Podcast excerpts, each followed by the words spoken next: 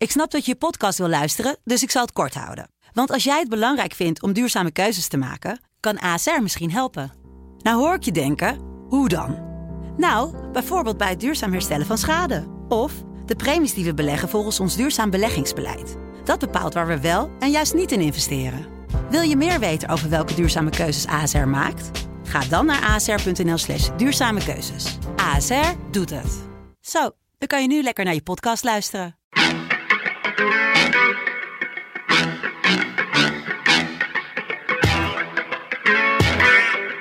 Dit is, dit is het land van Wierde.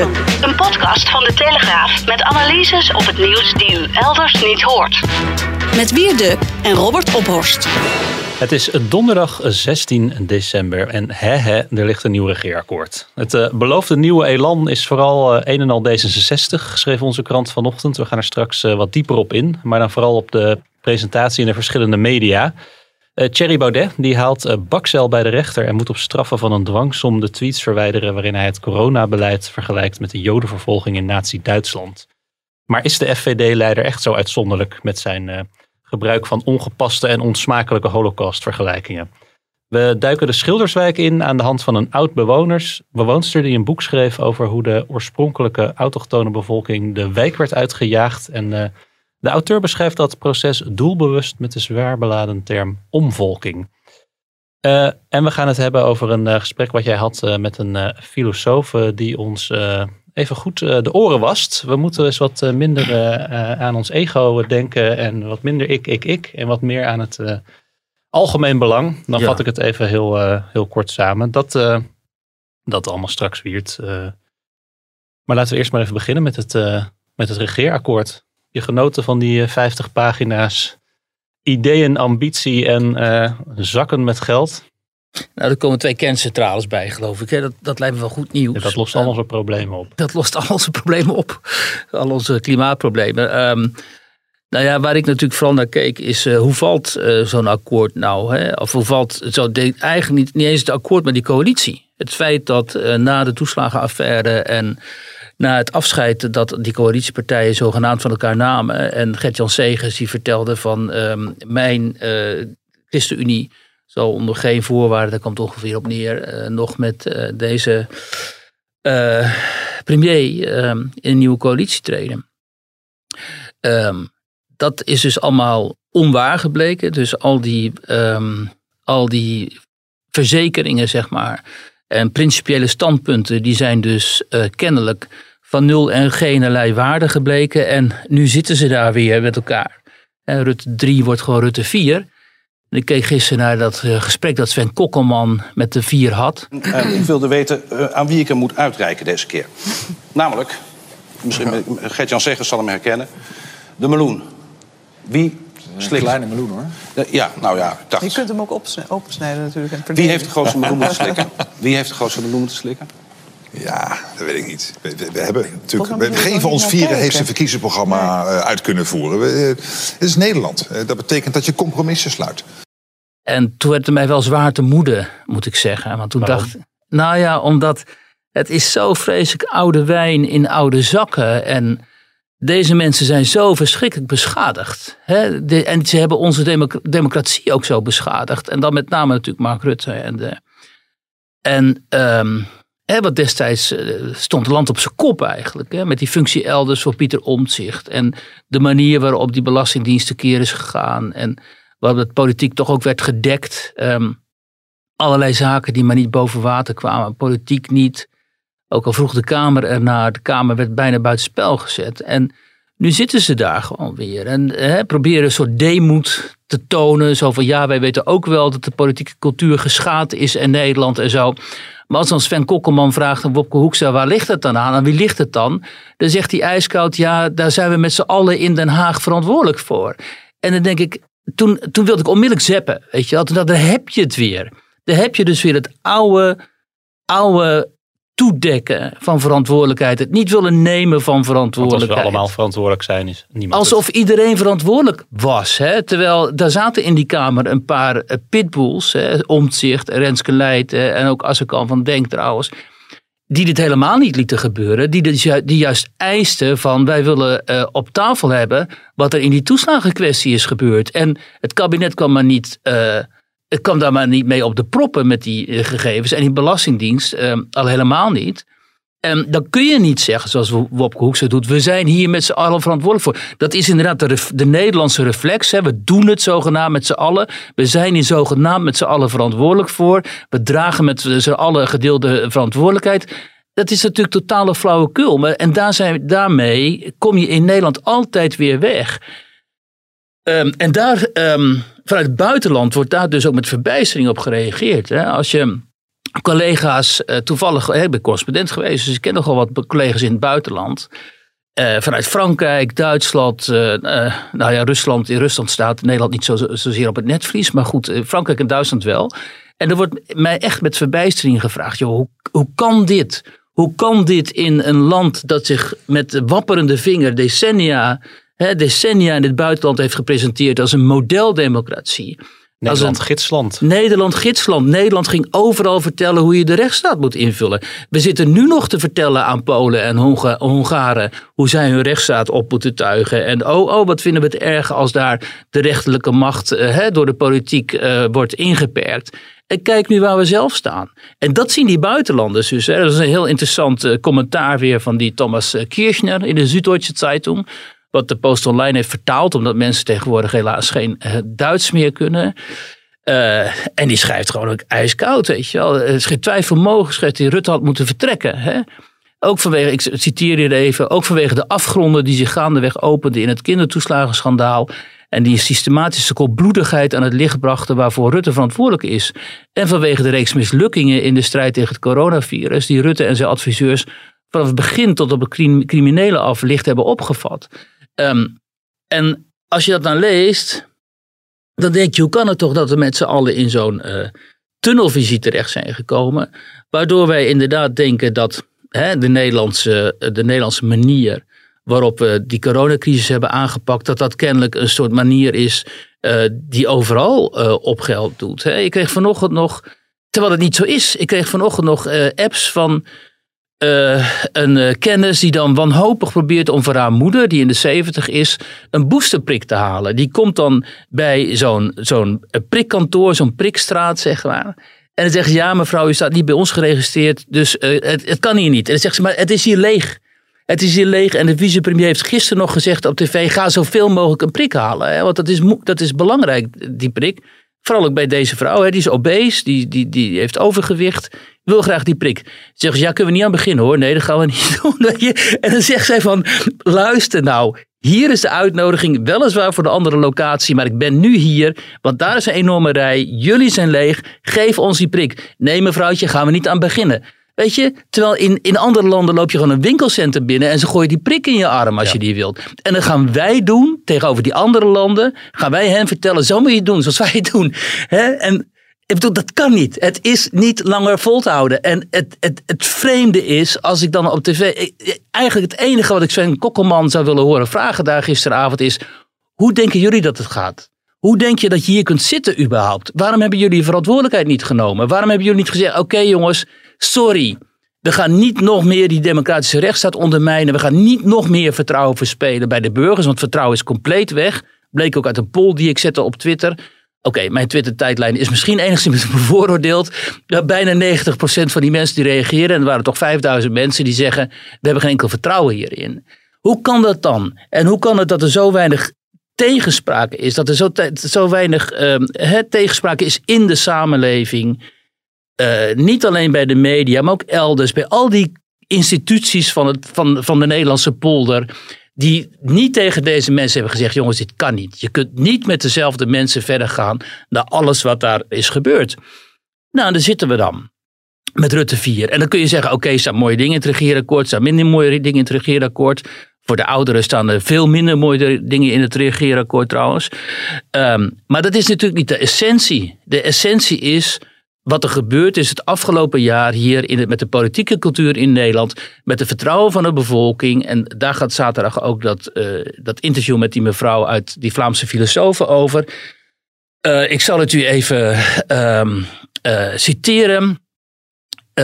in Nederland is het vertrouwen in overheid en instituties, blijkt uit onderzoek door het, ehm, de, de kenniswerkplaats Leefbare Wijken en de Erasmus Universiteit in Rotterdam, is dramatisch afgenomen. Van april 2020 was het, in april 2020 was het nog 70% en inmiddels is dat 30%. Dan zit je in een low trust society.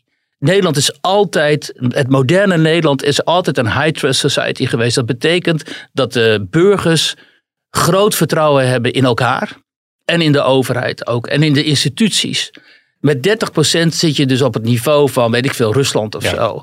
Dat is een verschrikking. Ja. Dat is de essentie van wat zich het afgelopen jaar heeft gemanifesteerd in dit land. Maar nou zag ik wel eh, vier eh, eh, partijleiders die erg hun best deden om deemoedig over te komen. Heel deemoedig, en, ja. Nederig te zijn en nou, vooral niet, niet te ha- hard op de trom slaan.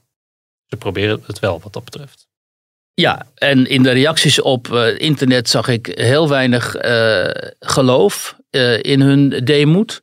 En als ik Sigrid Kaag zie, die eh, op de vraag wat ze gaat doen, zegt eh, dat bepaal ik zelf op een later tijdstip en ik ga u dat hier nog niet vertellen, dan geloof ik nog heel weinig in ehm, de aangekondigde bestuurlijke eh, vernieuwing van de, bestuurlijke, van de bestuurscultuur. Dus we zullen het allemaal zien. Ehm, maar als ik Gert-Jan Segers was en ik had zo nadrukkelijk, notabene on, op camera destijds gezegd, wij kunnen hier niet meer mee in zee gaan. Juist omdat hij de analyse maakt, hè, de, de, de, de verrotting van de politieke cultuur in Nederland.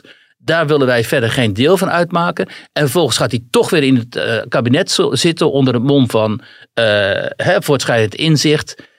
Ja, weet je, dan eh, vertrouwen komt te voet en gaat te paard. En dat blijkt ook wel uit de reacties op, op Segers. Dus ze kunnen natuurlijk zeggen, ja, we doen dit voor het land. Hè, want er moet ge- geregeerd worden. Maar dan denk ik, oké, maar dan had je misschien eh, zelf eh, persoonlijk opzij moeten stappen. En andere mensen die niet zozeer beschadigd zijn en niet zo besmet zijn, naar voren moeten schuiven om Ja. die, die kar nu te trekken. Nou ja, het wordt misschien een te eh, politieke analyse, maar dat is natuurlijk een beetje het probleem bij de VVD. Dat als Rutte opzij zou stappen, dat die partij vreest dat er niet een waardige opvolger is en dat die partij in elkaar stort. En net als het CDA. Ja, dat is natuurlijk wat er gaat gebeuren. Maar dat is een, zes virtuele zetels overblijft. Ja, dat is ongetwijfeld wat er dan ook zal gaan gebeuren. Althans, niet zes of zo, maar in ieder geval beduidend minder. Eh, en dat is dan dat is het dus een cynische reden. Hè? Dat, en dan zeggen ze, zeggen, ja, maar dat is politiek. Ja, maar als het politiek is, dan is het politiek net zoals in eh, Oost-Europese landen, waar de politiek ook cynisch is en zo. Maar geef dat dan toe. Ga dan niet zeggen, hè, wij doen dit voor het belang van het land en wij doen dit voor, eh, hè, voor de gemeenschap en zo. Nee, je doet het vooral voor jezelf en voor je eigen partij. Zeg dat dan, dan weten we dat, want iedereen weet het al. Dus omdat iedereen het zo weet en jij geeft het niet toe, is het zo cynisch. Je doet net alsof die, alsof die burgers dom zijn of zo. Die zien natuurlijk drommels goed wat de machtspolitieke overwegingen hier zijn. Want ze waren als de dood voor nieuwe verkiezingen natuurlijk. Ja. En daarom moest deze coalitie er komen. Ja. Nou, ik moet zeggen dat ik zelf ook niet echt uitkeek naar eh, nieuwe verkiezingen hoor. Als je dan bedenkt wat er, eh, wat er dan uit eh, kan en moet komen. En Nee, dat komt. Maar ja, dat, kijk, de enige. Dat is gewoon. Dat is niet eens subjectief of een mening. Dat is gewoon een objectief feit. Hè, degene in de politiek die op dit moment verreweg de grootste vertrouwensbasis heeft, is natuurlijk Pieter Omtzigt. En als die met een eigen partij zou komen, dan zou die waarschijnlijk heel snel goede zaken kunnen doen. ja, maar even los van de vraag of hij een goede partijleider zou zijn. En eh, daar überhaupt nu fysiek eh, en, en Ja. mentaal ook eh, helemaal toe in staat is. Zonder hem iets aan te praten hoor. Ja. Nog even over dat voorbeeld van die vrouw die dus geen boosterprik krijgt. Ik kan me wel voorstellen, jouw oude contacten in Rusland niet opkijken van een staaltje gekmakende bureaucratie. Nee, En in Rusland krijgen ze er ook wat van, toch? Ja, precies. Maar wat ik hier al vaak heb gezegd. Kijk, in Rusland is het dan zo. Dan sta je dus eh, te bekvechten met zo iemand bij zo'n prikstraat. En dan zeg je op een gegeven moment: Oké, hier heb je 10 dollar, geef me die prik. En dan zeg je: Oké, weet je. Dus je kunt je altijd. Het is, corrupt. En gefraudeerd is het dan. Maar je kunt je altijd vrijkopen uit die, uit die bureaucratische wurging. Hè? Ja. Eh, in dat soort landen. Dat, dat, maakt, dat is ook de deal met de bevolking, weet je wel. Wij zijn heel bureaucratisch, maar goed, als je ons betaalt, dan, dan laten we die bureaucratie een beetje wel, eh, vieren. lijkt me verschrikkelijk. Elke ambtenaar weet, die begint al met eh Dat is ook verschrikkelijk, omdat je als je ik, in, ik, moet, ik moet omgekocht worden. ja, het is vreselijk als je in, in, in Rusland, althans in mijn tijd, eh rondreed met je auto en, zo'n en je wordt overal eh, aangehouden door de verkeerspolitie. En ze weten dat je buitenlander bent, kan je altijd een boete.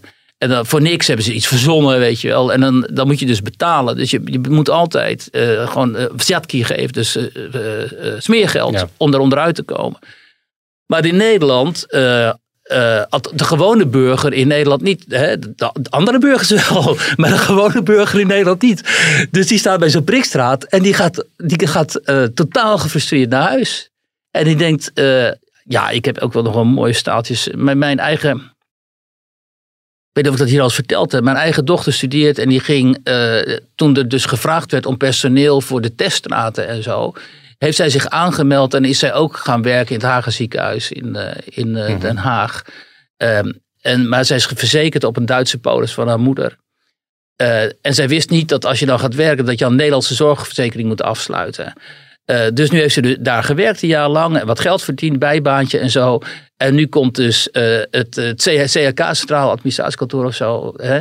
Die komt boem, die legt daar een forse boete op, ook via mm. de deurwater en zo. Want ja, ze had verzekerd moeten zijn op een Nederlandse polis. Mm. Die, die Duitse polis, die gold daar niet. Dus al het geld wat ze heeft verdiend, mag ze nu uh, overmaken naar die boete, weet je Mm. wel. Ja, en en oké, okay, ze heeft bezwaren ingediend, dat speelt nog. Maar uh, hoogstwaarschijnlijk, volgens de regels heeft ze, heeft ze inderdaad niet juist gehandeld. Maar hoe dus, hoog is die boete dan in eerste aanleg? 400, 496 euro of zo. Mm. En, uh, maar omdat ze dus niet, niet snel genoeg dan had gereageerd of zo, boem gewoon weer hetzelfde bedrag boete Ja. erbovenop. Dat is iets meer dan het eigen risico, geloof ik. Dat is iets meer dan het eigen risico. Ja, ja lekker hè. En Ja, weet je, dit, sneu. ja, en dat echt. En, en, dan, en dan zijn er allerlei instanties die je dan moet bellen. Hè, die dan, want niet alleen die, dat CEK, maar ook de Sociale Verzekeringsbank. En het Centraal Juridisch, de CEIB daar in, uh, in Groningen.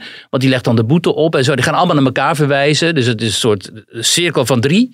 Uh, waarin zij dan rondtolt, weet je wel, van de Mhm. een naar de ander. En de een neemt geen verantwoordelijkheid voor de ander en zo. En zo ben je weer weken verder. En dan zeg je, ja, maar de feestdagen komen eraan, weet je wat. We stellen het even uit tot januari. En, en, dan gaan wij zeggen dat wij niet een bureaucratisch uh, Nee. Nee, elke, zaterdag uh, ook in de krant de column van de ombudsman. Dat, dat staat altijd elke week vol met dit Met dit soort precies, Ja. soort Ik moet. Ja. zeggen, dat lees ik elke week met veel, nou ja, plezier. veel uh, angst. met, ja, met veel interesse. laat Nou, nou, ik lees het met grote angst, eh, dat soort dingen.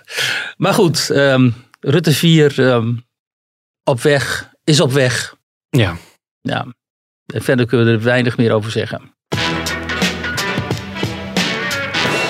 Ik uh, ben intens verdrietig dat ik datgene wat ik ten diepste geloof niet mag uiten en leg me daar ook niet bij neer. We gaan zeker in beroep. Was getekend uh, Thierry Baudet donderdag op Twitter bij zijn mededeling dat hij op last van de rechter vier berichten heeft verwijderd van uh, Twitter, Instagram en Facebook. Het gaat om berichten waarin de FVD-leider een vergelijking maakte tussen de jodenvervolging en het coronabeleid. Hij verspreidde onder andere een fotocollage met het beeld van een uh, kindje dat de Sinterklaasoptocht van achter een hek bekijkt. En het beeld van een Joods jongetje met een Davidster op zijn jas. Dat uh, door een hek wordt gescheiden van een groep leeftijdsgenootjes. Het kortgeding was aangespannen door uh, twee Joodse organisaties en vier overlevenden van de Holocaust. op straffen van een dwangsom van, ik meen, 25.000 euro per dag. Ja, of per keer geloof ik. Of zo, ja. Ja, moet hij die tweets verwijderen? Dat heeft hij uh, inmiddels ook gedaan. Dat hij ze eerst nog vier keer had uh, geretweet. Vier berichten, ik weet even letterlijk tekst, maar waar ik heb gezegd. Uh, deze tijd is zeer vergelijkbaar met wat in de jaren 30 en 40 gebeurde. En waarschuwde tegen die ontwikkelingen. ik moet ze verwijderen.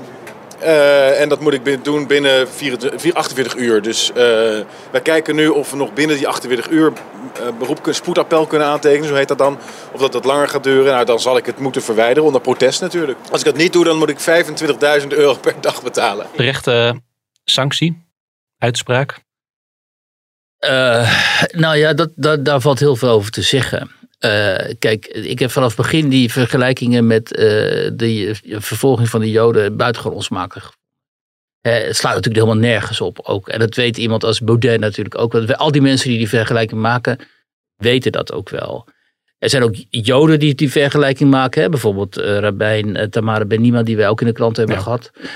en die, die daardoor ook daarom ook is afgetreden als... Uh... Ja, en daarom hevig bekritiseerd is ook. Uh, maar gewoon die mensen, hè, die mensen met die ervaring, met uh, die ervaring van de Joden, die spreken vanuit die angst die, zij, die hun familieleden destijds hebben gevoeld. Dus dat is hun particuliere, vind ik, ook wel unieke um, kijk op Dat- die dat- geschiedenis. Dat, dat mag je niet eh, cultureel toe-eigenen. Nou, in dit geval misschien wel niet. Maar goed, daar kun je ook over, over twisten. Maar ik begrijp het wel inderdaad. Ik begrijp het Joden sowieso, als ze zoals in de rechtszaal bij Baudet hevig geëmotioneerd zijn over die vergelijkingen.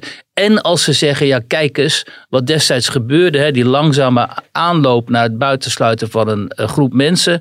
Dat herkennen wij. Dus ik begrijp de beide standpunten. Alleen ik vind het dus onsmakelijk als jij als buitenstaander.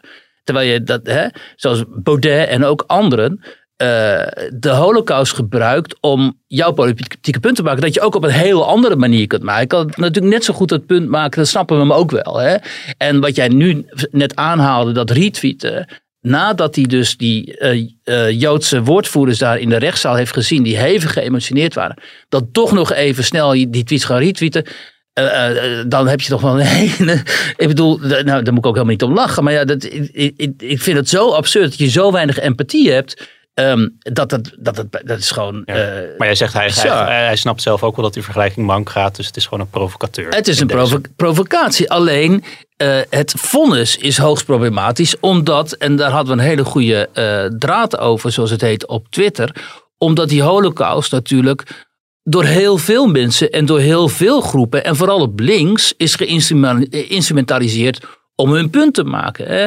Eh, ehm, eh, Tom de Graaf over Fortuyn haalde Anne Frank erbij. Eh, Wilders is regelmatig vergeleken met eh, Hitler. Ehm, eh, die GroenLinks, dat GroenLinkse Kamerlid Kautar liep mee in een demonstratie Het is waarin... natuurlijk ook een beetje Waar, tegenstrijdig. waarin? Israël werd vergeleken met, eh, hè, met de nazi-Duitsland. Ja. Dus, elk, ja. elk weldenkend mens heeft natuurlijk hebben besloten om dit, wat, wat er toen gebeurd is, als voorbeeld te nemen van dit nooit weer. En waakzaam zijn op dat dit ook nooit meer eh, kan en mag gebeuren. Maar dat, ja, dat impliceert dat je inderdaad af en toe eh, een vergelijking moet maken en daarvoor moet blijven waarschuwen. Ja, maar En- als je en- expliciet zegt, zoals Arnon Gunberg, die notabene de PC hoofdprijs heeft gewonnen nu, dat de Marokkanen... zijn proza, hè?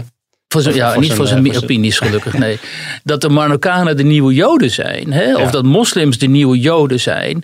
Ehm, of eh, Leo Lucassen, die socioloog, hè, die eh, ook actief is op Twitter. Die dan een bezoek van Wilders en, de, en Philip de Winter aan Molenbeek Ja. vergeleek met een eh, tocht van de Britse nazi's door eh, de Joodse wijk in Londen in 1936.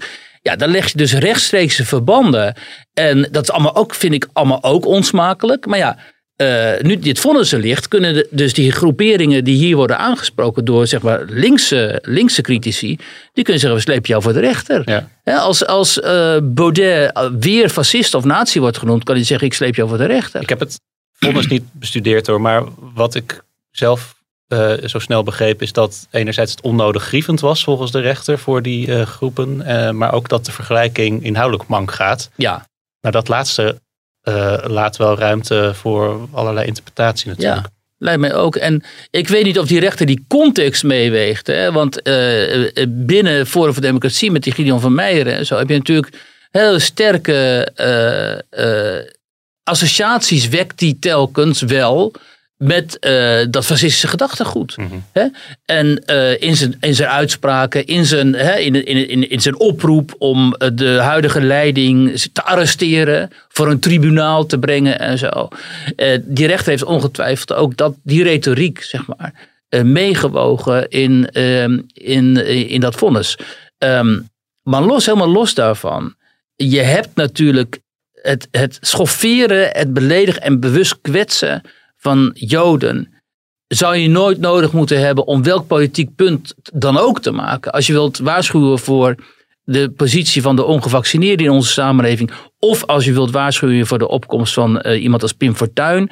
Dan nog heb je niet zomaar, kun je niet zomaar het recht toe-eigenen om die vergelijking te maken. Omdat het hoe dan ook kwetsend is voor de, de bevolkingsgroep eh, in, in de wereld. Die zo ongeveer het, het grootste trauma heeft te, te verwerken. Hè, naast de Armeniërs en nog sla- andere slachtoffers van genocides.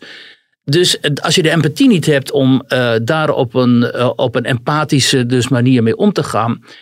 Ja, dan, dan kun je.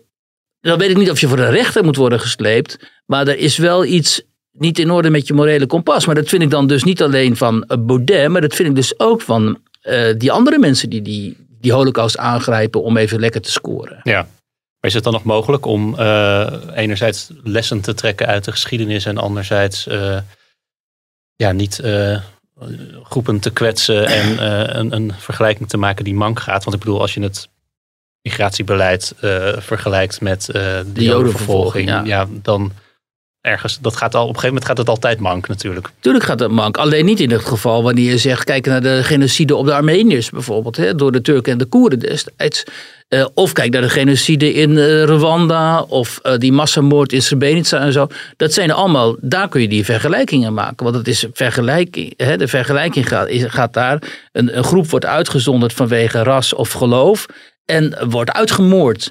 En dat is precies wat er met de Joden mm. gebeurt, alleen op veel, nog veel grotere schaal en uh, industrieel.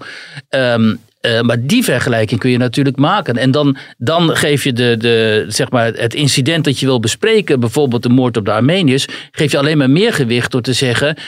Kijk dan, eh, de, de, de Joodse genocide en die Armeense genocide, daar zit in, in, in principe heel veel over, overeenkomsten in. Of, of de, de, moord, de moordpartijen onder Stalin bijvoorbeeld, weet je wel.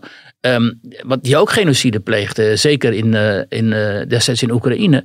Um, maar je moet het voorbehouden aan dat soort unieke, in de zin van gruwelijk unieke fenomenen. En niet om ongevaccineerden mee te bespreken of iemand als Pim Fortuyn te ondermijnen. Of nog veel erger, um, die Tommy Wieriga, die had het over de intensieve veehouderij die vergeleken met concentratiekampen onder de Holocaust. En nog iemand anders, um, een, een, senator van de Partij voor de Dieren, die maakte in de Eerste Kamer de een vergelijking tussen dode nertsen en, en de Joden in de Holocaust. Ik bedoel, dan ben je toch gewoon van padje af.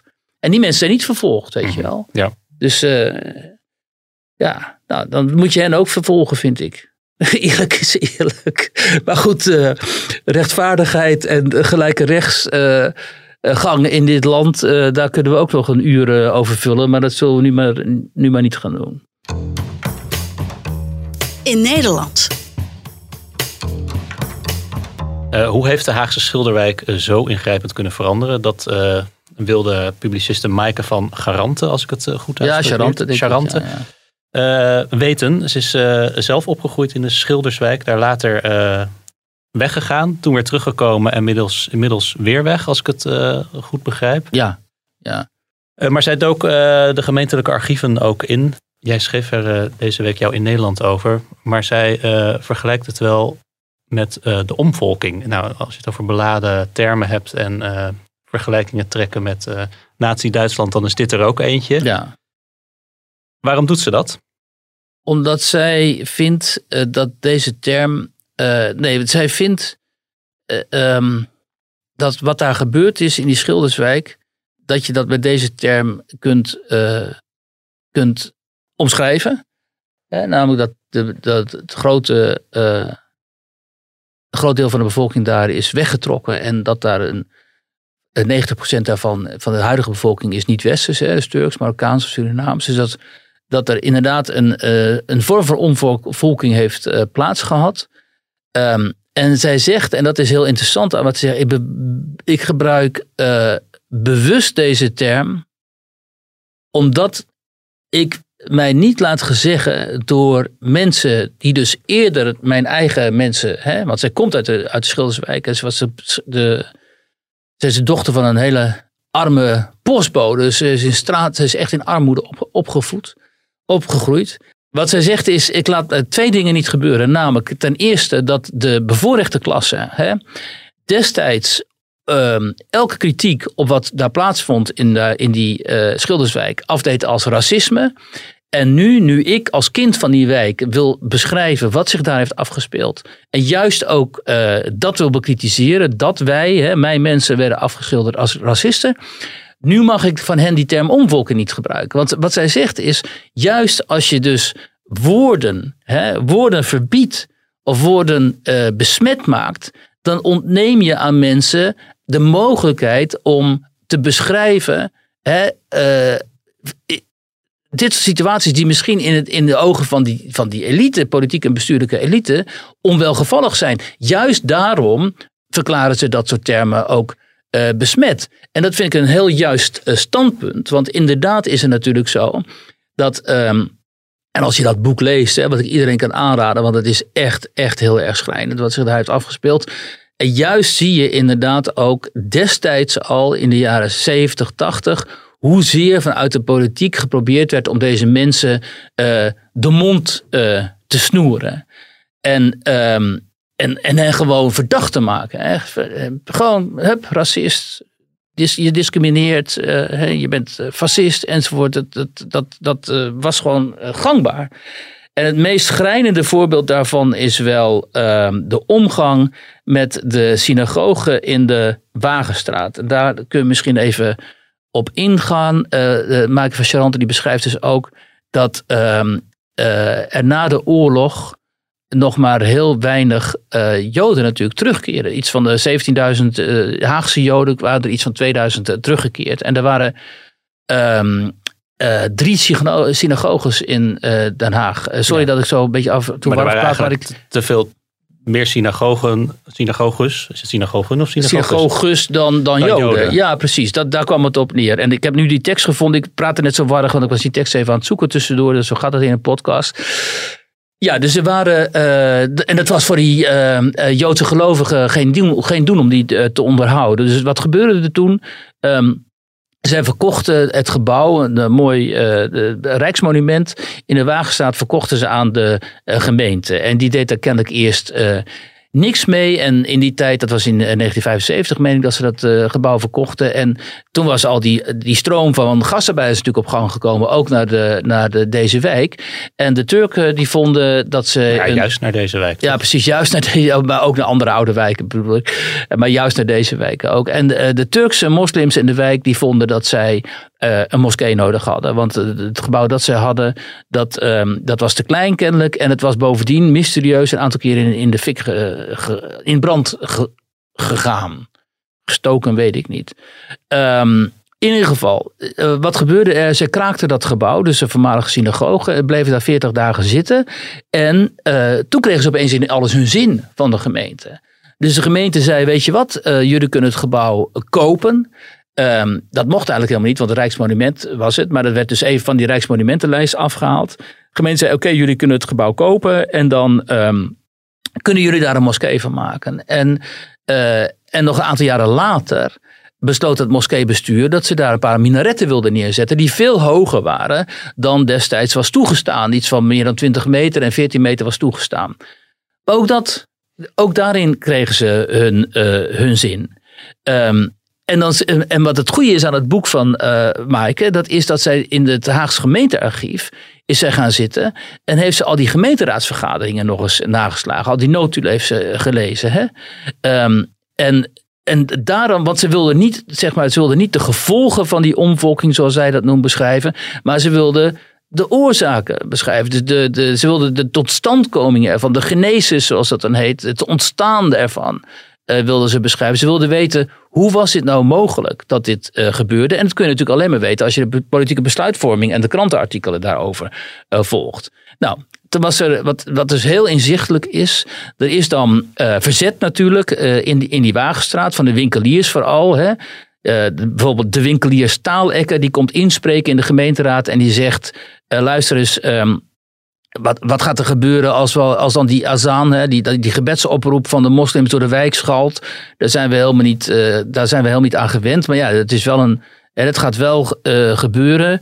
Um, uh, en hij zegt ook dat gezang van onze moslimbroeders, zegt hij, is een onvermijdelijk gevolg van het plaatsen van de minaretten. Dit gaat dus over de minaretten al. Hè?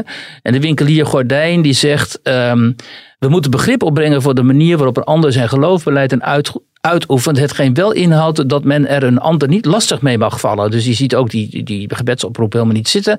En dan een andere winkelier, De Haas, die zegt, die herinnert aan de Joden, die zegt als monument was de synagoge niet, niet erg troostvol. De buurt houdt er echter wel haar herinneringen aan, omdat het een Jodenbuurt is geweest, die volop heeft geleefd. Ik denk dat u de synagoge in stand moet houden vanwege de Joodse traditie. Nou, de moslims op de tribune lopen weg, want die voelen zich helemaal beledigd hierdoor. En wat zijn dan de reacties van de gemeenteraadsleden? Bijvoorbeeld van links, eh, de, Verduin Lunel, die voor PSP, CPN en, nog wat van die linkse partijen in de Kamer of in de, in de Raad zit.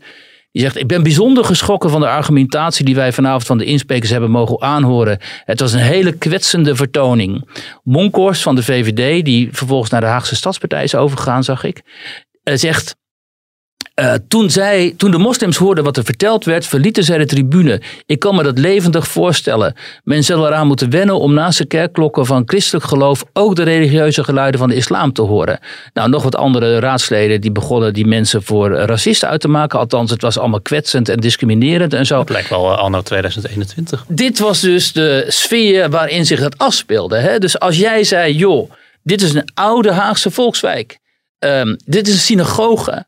We hebben de oorlog, de, de Joden in de oorlog niet beschermd. Dit is, um, maak er dan een, een, een soort van museum van. Of zo, of een gedenkteken voor de Joden van Den Haag. Maar maak in ieder geval geen moskee van. Dan word je daar als, uh, als racist en uh, iemand die kwetst weggezet. En nog schrijnender, nog schrijnender is, en daar is een goede documentaire over gemaakt. En die heb ik nog eens bekeken ook gisteren.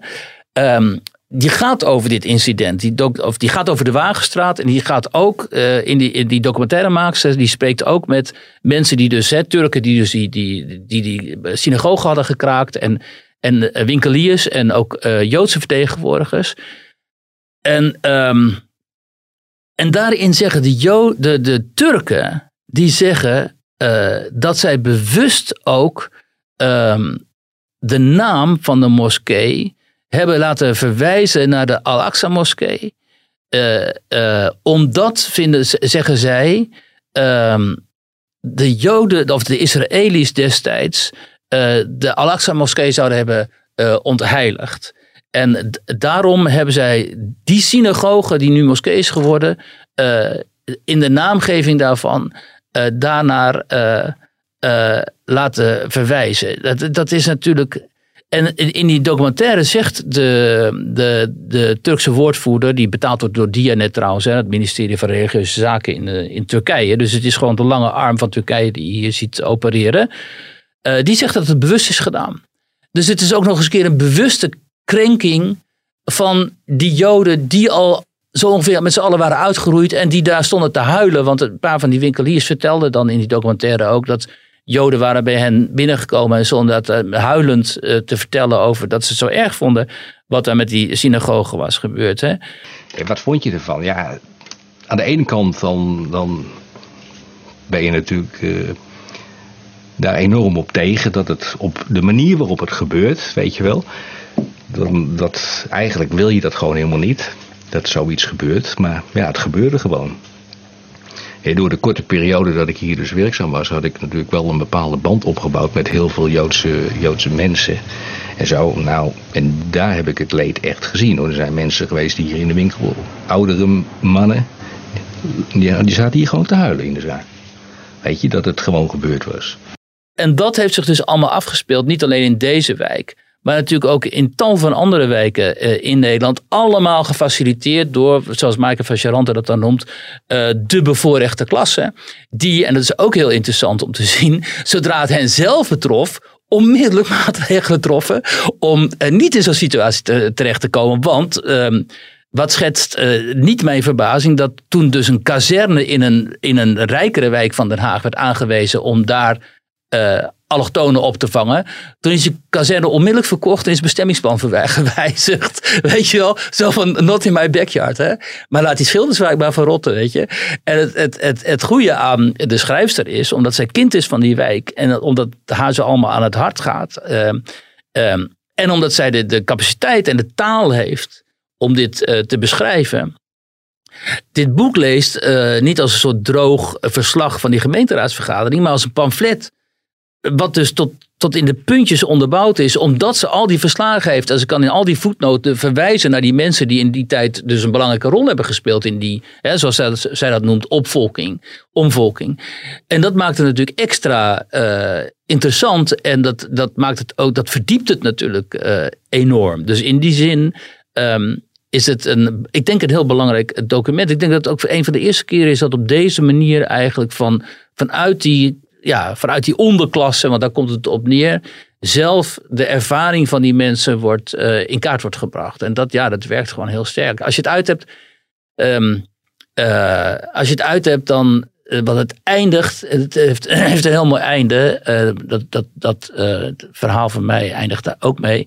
het eindigt met een soort ode aan de, aan de mannen van de Schilderswijk. Hè. Dan schrijven ze de bouwvakkers, de stratenmakers, de kolenboeren. Nou ja, al die mannen die op straat waren. En die een soort eh orde handhaafden op straat in, in haar jeugd. Hè. Als van die grote jongens dan te vaak gingen vechten of het te bond maakten. En dan grepen die mannen in. En zij schrijft dan... ehm, eh, ik heb vaak teruggedacht aan die naamloze mannen van de Schilderswijk. En mij afgevraagd wat er van hen is geworden. Ze waren vast wel eens radeloos over al het onrecht. En ik herinner me flarden van woedende gesprekken met gebalde vuisten. Maar ze waren er wel voor ons.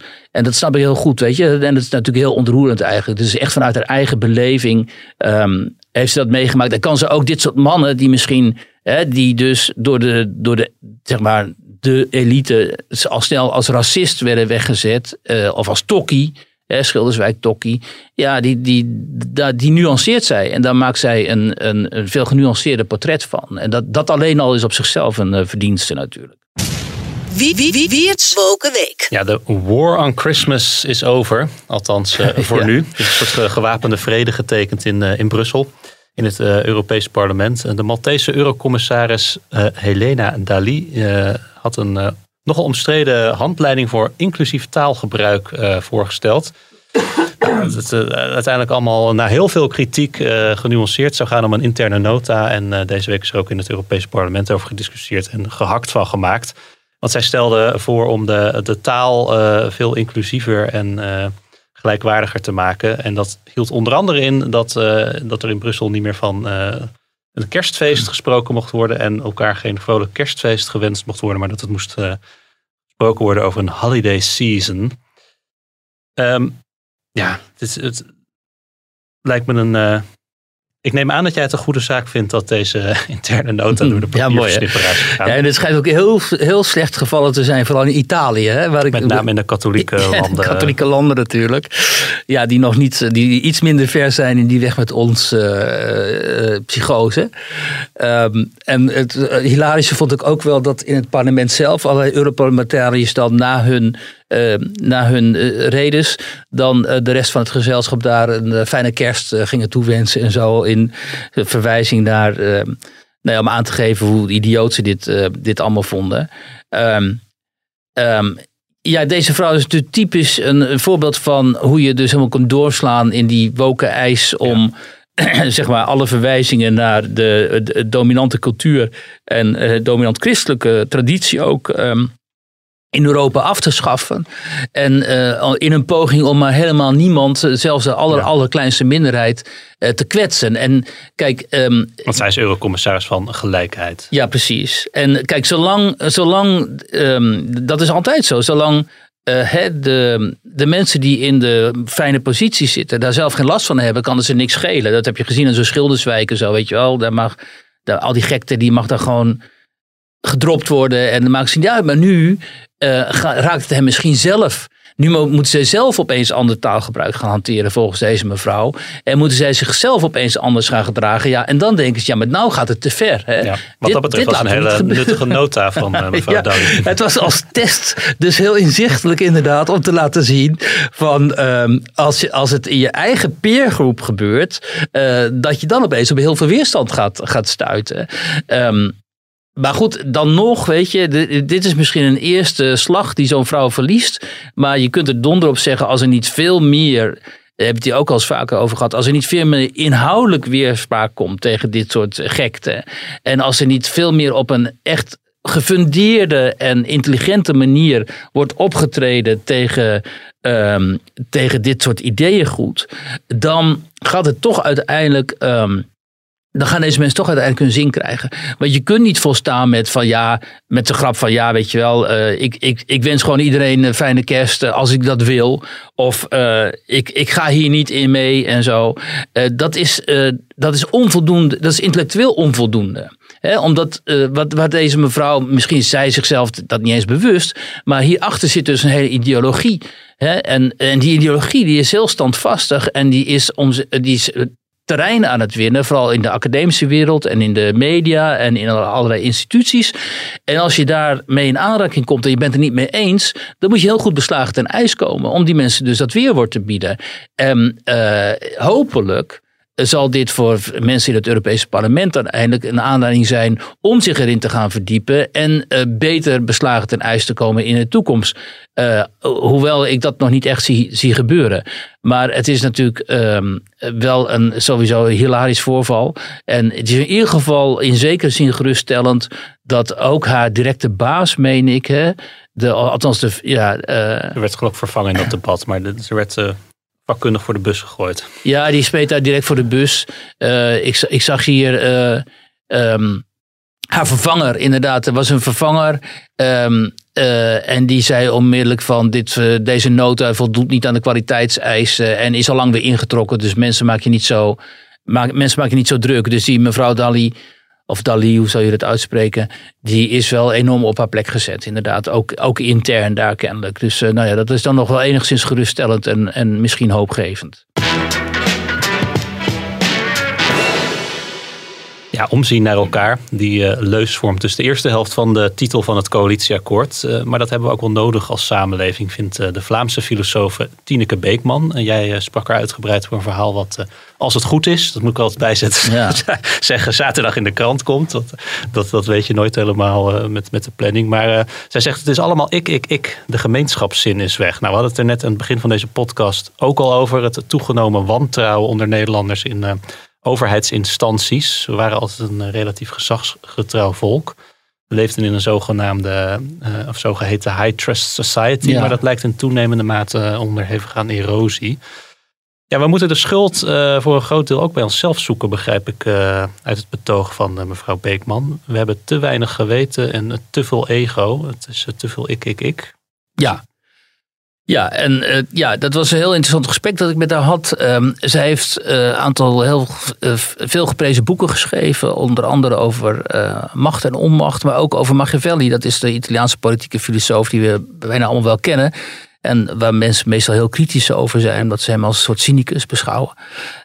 maar zij heeft een hele andere kijk op. En, zij heeft... Um, Machiavelli, haar boek heet Levensfilosofie voor de vrije mensen, heeft ze geschreven. Maar ze heeft echt een hele scherpe kijk op, niet alleen op onze eh, Nederlandse samenleving, maar eigenlijk wat er op de westerse, in de westerse samenlevingen, West-Europese samenleving, maar ook wat de Verenigde Staten uh, aan de hand is. En um, ja, ze zegt die vertrouwenscrisis nu, die in Nederland nu zo schrijnend is, ja, dat, dat wordt ook vergroot natuurlijk door corona. Hè. Corona ver, ver, vergroot eigenlijk die breukvlakken. Is een katalysator, die vergroot die breukvlakken die er al waren uit. Um, en centraal in haar betoog is eigenlijk dat wij sinds de jaren zestig uh, de figuur van de autoriteit hebben uh, besmeurd. Dus eigenlijk, uh, die, hebben wij, die is eigenlijk verdwenen omdat we autoriteit niet meer zouden accepteren. Omdat we autoriteit associëren met macht en met geweld. Terwijl zij zegt, de natuurlijke autoriteit is juist heel goed. Hè? Een, een leraar die natuurlijk gezag heeft en die zijn autoriteit doet gelden, die maakt je alleen maar beter. Hè, terwijl van, met chaos in de klas, omdat die leraar geen autoriteit wil hebben of, of het sowieso van nature niet heeft, uh, daar wordt helemaal niemand beter van. En bovendien zelfs slechter, omdat um, in, in chaos uh, dan treedt juist een, dan kan juist een soort van uh, onnatuurlijke vorm van uh, gezag optreden. En dat is precies wat we nu zien in die coronacrisis. Hè. De, onze regering, ons kabinet en de OMT hebben zoveel tegenstrijdige geluiden afgegeven. Dat van, dat, van die aanvankelijke autoriteit die in het begin nog wel was. Hè, toen werd Rutte notabene omschreven als staatsman en weet ik veel wat niet allemaal en zo. Nou, dat brokkelde heel snel af vanwege alle tegenstrijdige uh, maatregelen. En ook vanwege het feit dat wel duidelijk was dat zelfs ook uh, regering en OMT gewoon niet, dit virus niet goed begrepen en zo. En, uh, en nu wordt steeds vaker het autoriteitsargument ingezet.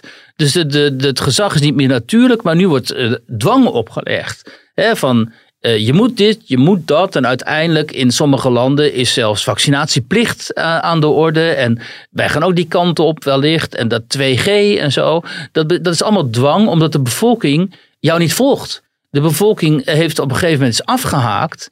Uh, omdat, vanwege dat gebrek aan autoriteit. En nu gaan ze over tot, tot dwang. Um, en daarmee ontstaat in zo'n samenleving zoals de onze ook uh, natuurlijk tweespalt. En gaan mensen uh, zoeken naar andere autoriteiten. Hè? Nou, en dan, dan, duiken mensen als Willem Engel op. Of uh, Baudet gaat op zijn kar staan en zegt luister naar mij, ik weet allemaal beter en zo. En trekt daar een soort secteachtige following mee en zo. of mensen raken gewoon op drift. Wat je nu ziet hè, in de samenleving, dat een groot deel van de bevolking is eigenlijk politiek ook wel sociaal gewoon op drift geslagen. Er is, dat, dat zegt zij ook. Er is zoveel woede, zegt ze nu. Hè, op Big Pharma, maar ook vanwege het sociale onrecht dat mensen ervaren en zo. En zij ziet ook niet goed hoe dat nog uh, gekanaliseerd kan worden. Um, en zij zegt, doordat, doordat die figuur van de autoriteit sinds de jaren zestig eh, eigenlijk is, is ondermijnd en verdacht is gemaakt, um, uh, is, is die gemeenschapszin ook verdwenen. Want wat nodig is, is natuurlijk dat mensen uh, van het, zeg maar, het natuurlijke gevoel hebben dat ze burger zijn. En dat ze vanuit burgerschapszin uh, zich bijvoorbeeld laten vaccineren. Omdat ze andere burgers niet willen, hè, in, in de wielen willen rijden. Uh, of omdat ze voelen van ik ga ook niet stelen. Hè. In het openbaar vervoer bijvoorbeeld zegt ze. Vroeger was het ondenkbaar dat je niet zou betalen. Omdat je weet, ja als ik niet betaal rijdt het openbaar vervoer ook niet op den duur. En nu is het zo, ben je een beetje een loser als je wel betaalt. Hè. Als je niet Um, nou ja, in, in dat verhaal met mij schrijft ze dan, uh, of beschrijft ze dan waar dit soort denken uh, vandaan komt. En, dan, en dat heeft natuurlijk moreel ook allerlei gevolgen. Omdat als je, als je dat kompas niet meer hebt, ja, dan krijg je bijvoorbeeld die rare fascinatie voor zeg maar, topcriminelen, hè, zoals uh, wij dat hebben. Wat er dan toe kan leiden dat iemand als Willem Holleder notabene bij Twan Huis kan gaan zitten om vragen van studenten te beantwoorden. Ik bedoel, dat vond ik destijds al, ik kon er echt niet bij. Ik kon niet voorstellen dat dit bij de NPO erdoor kwam. Hè? Dat je denkt dat dit een voorstel is wat je inlevert en dan zegt de leiding van de NPO, weet je wat, doen. Ik bedoel, wat voor blik heb je dan op de werkelijkheid en op de wereld als je zegt, laat die Willem Holleder daar maar gaan zitten. Um, dat is natuurlijk volstrekt absurd. Uh, maar zo werd er niet ervaren als totaal absurd. En wat zegt dat dan over een samenleving? Nou, daar gaat zij ook op in. Hè? Ze zegt van. Um, ja, dat, dat is heel interessant, omdat die aantrekkingskracht van de maffia bijvoorbeeld, die bestaat er vooral uit dat die, die maffia, die vertegenwoordigt weer een gemeenschap waar mensen eigenlijk naar hunkeren. En, hè, en, en, en die, die clan en de familie, waar allemaal ouderwetse uh, regels gelden vaak, die wordt beschermd tegenover die boze buitenwereld, zeg maar. En ze zeggen maar, en wat dan vergeten wordt in de verhalen over die maffia en zo, is de manier waarop ze dan tekeer gaan. Hè? Mensen folteren, mensen moorden en zo. Die slachtoffers komen ook niet zo vaak aan het woord. Het zijn die criminelen zelf die aan het, die aan het woord worden gelaten.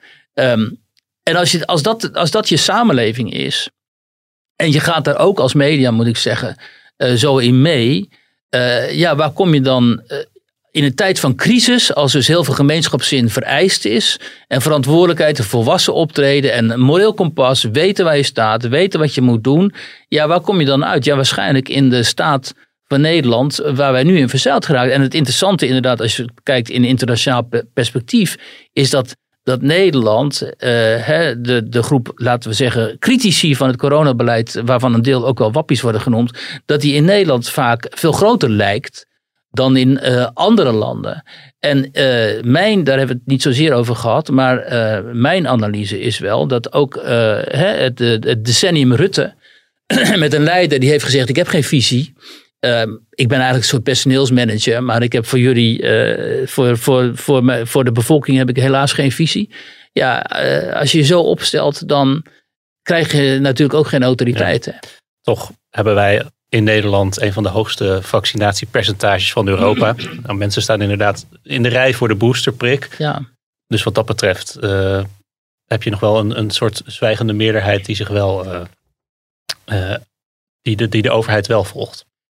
Ja, hoewel die, die vaccinatiegraad in, is elders in, in landen als Duitsland en zo ook niet zoveel lager trouwens hoor. En je kunt natuurlijk ook altijd zeggen, hè, dat zie je nu ook wel mensen die die prik halen, die doen dat natuurlijk niet alleen maar voor de gemeenschap, maar ook voor zichzelf. Dat ze op wintersport willen bijvoorbeeld, of dat ze niet uitgesloten willen worden. Dus dan zou je kunnen zeggen, dat ook de, dwang, hè, of de, de, de, de dreiging met dwang, heeft daar dan wel resultaat. Um, maar um, daarover heb ik eh, te weinig analyses gelezen om eh, daar zinnige uitspraken over te kunnen doen. Kijk, wat zij schetst natuurlijk ook, zij vergroot heel erg een bepaalde ontwikkeling uit, die wel degelijk, denk ik, eh, in onze samenleving, of heel prominent is in onze samenleving.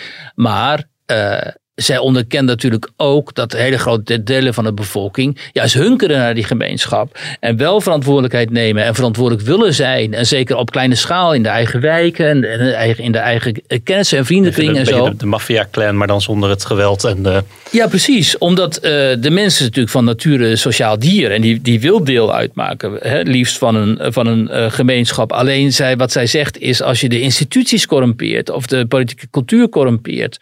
of ehm, anderszins die, dat centrale eh, eh, punt in haar betoog... de figuur van de autoriteit met natuurlijk gezag...